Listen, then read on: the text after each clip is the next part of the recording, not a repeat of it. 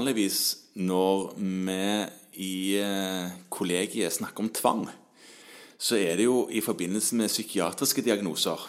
Vanligvis. Lov om psykisk helsevern. Ja, Inni der er det noen kapitler om tvang, og når man kan, og når man ikke kan benytte seg av det. Ja. Men det er jo ikke egentlig bare i psykiatrien vi snakker om tvang. Vi snakker òg om det i somatikken. Ja. Når man har dette som har med samtykkekompetanse å gjøre. Ja. Og da er det noe som heter pasient- og brukerrettighetsloven. Ja. Det er jo sånn eh, Cato Innerdal-territoriet. Ja, men nå kunne ikke Cato være med i dag, for han driver og sykler, Ja, tror jeg. det- Så da ble det oss. Dette har nok sagt noe fornuftig om, men vi kan også prøve å, å touche litt innom det. Og det som mange lurer på, er en sånn paragraf i den som heter 4a. Ja. eh, Som heter, 4A i denne loven. ja, som heter helsehjelp til pasienter uten samtykkekompetanse som motsetter seg helsehjelpen. Ja, det var en, det var en beskrivende tittel. Ja. Ja. Og, og det vil jo si at du har en pasient som du mener trenger en behandling fordi de, de må ha den, ja.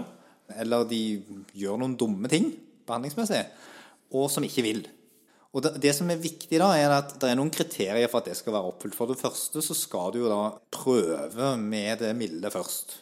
Ja, altså lirke og lempe.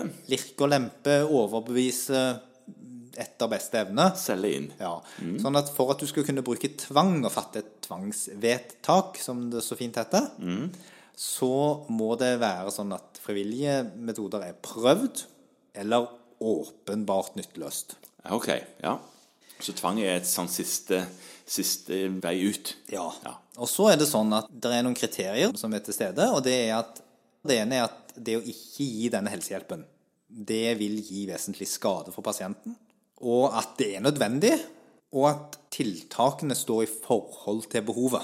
Ja, så du, ja. Mm, det Så du må- kan ikke legge en pasient i narkose for å gi litt grann kløestillende. Nei.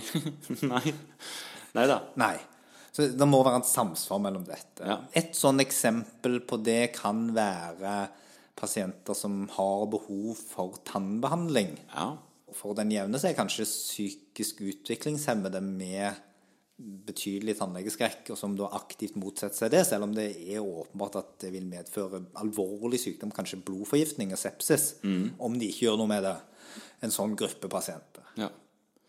Skjønner det. Det, det der hørtes egentlig ganske greit ut, men jeg tenker at det som jeg noen ganger står og undrer meg over eh, i praksis, det er hvorvidt den personen jeg har foran meg, rent faktisk er samtykkekompetent. Ja, og det- er nok det som på en måte kanskje er den største utfordringen for oss som sitter i praksis. Det er ikke gjennomføringen av akkurat det tiltaket. Der får man jo hjelp av kommunen til å fatte det vedtaket. Det er ikke noe du skal fatte.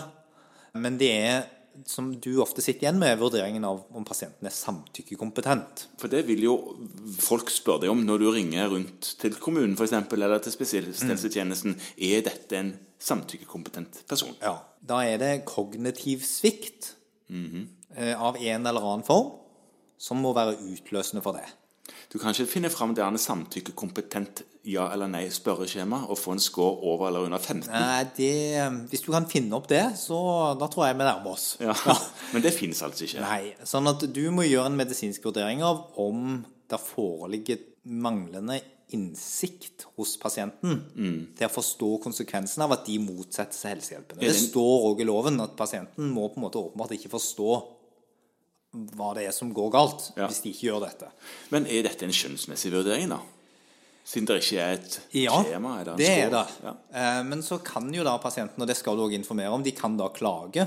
Ja. Og pasienten eller dens stedfortreder, altså en del pasienter dette gjelder, vil kanskje ha fått beskjed om at de ikke er samtykkekompetente, men de har da et verge som kan klage for dem. Mhm. Sånn at det er ikke sånn at du, fordi du er lege, har en blankofullmakt til å påføre alle verdens folk alle verdens undersøkelser.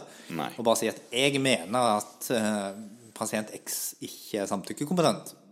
Det hadde jo vært uh, I enkelte tilfeller sier jeg for meg at jeg kunne gjort tingene veldig mye lettere for meg. Ja, men det, Men det er minner vel kanskje om Minner om Judge Dredd. Ja. Den filmen der. regimer som vi kanskje ikke helt liker å sammenligne oss med historisk sett.